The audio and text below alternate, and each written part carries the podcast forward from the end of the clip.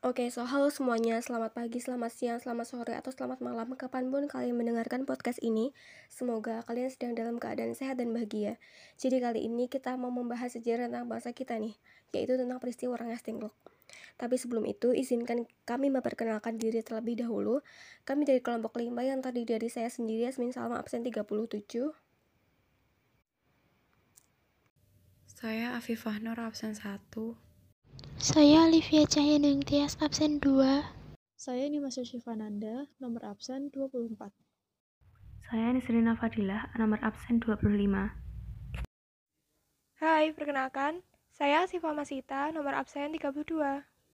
Jadi apa sih yang melatar belakangi peristiwa Rengas Dengklok ini?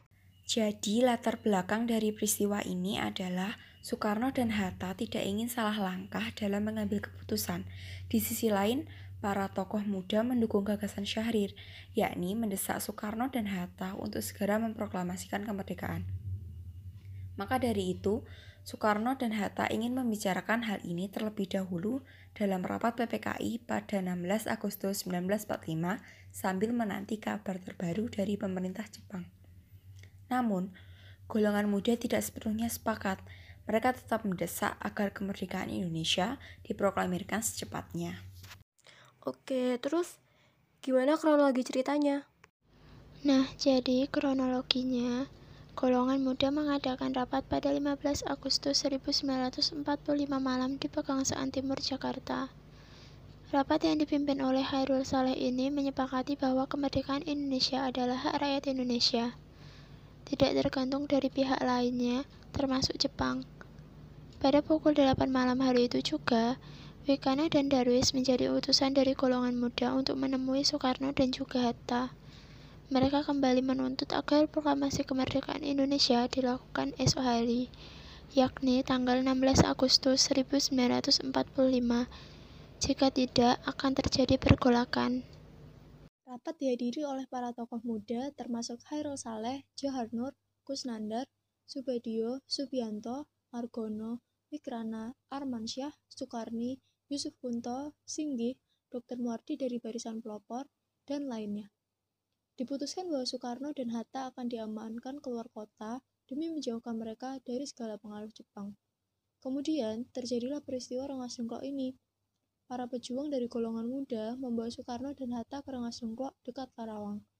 Pengamanan pun berjalan lancar karena dibantu oleh Latif Hendraningrat yang merupakan prajurit peta, pembela tanah air, berpangkat Sudanco, atau Komandan Kompi.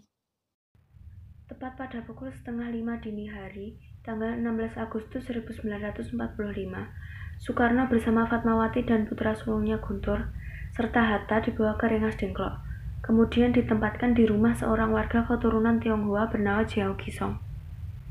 Aksi penculikan ini semula dimaksudkan untuk menekan Soekarno dan Hatta agar bersedia segera memproklamirkan kemerdekaan.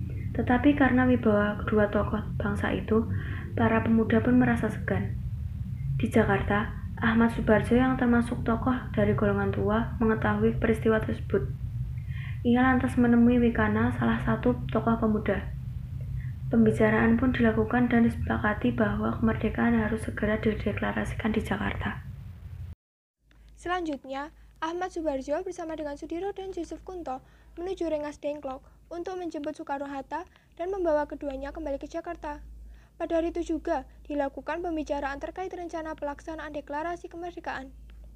Malam harinya di kediaman Laksamana Muda Maeda, seorang perwira Jepang yang mendukung kemerdekaan Indonesia, dirumuskanlah naskah teks proklamasi. Keesokan harinya, tanggal 17 Agustus 1945, Soekarno-Hatta membacakan teks proklamasi kemerdekaan Indonesia di Jalan Pegangsaan Timur nomor 56 Jakarta. Indonesia pun merdeka dan bukan merupakan hadiah dari Jepang. Nah, sepertinya cukup sampai di sini perjumpaan kita yang membahas tentang peristiwa Rengas Dengklok. Oke semua, terima kasih banyak yang sudah mendengarkan. Semoga obrolan kita kali ini bisa bermanfaat buat kalian semua. Sampai jumpa di lain kesempatan.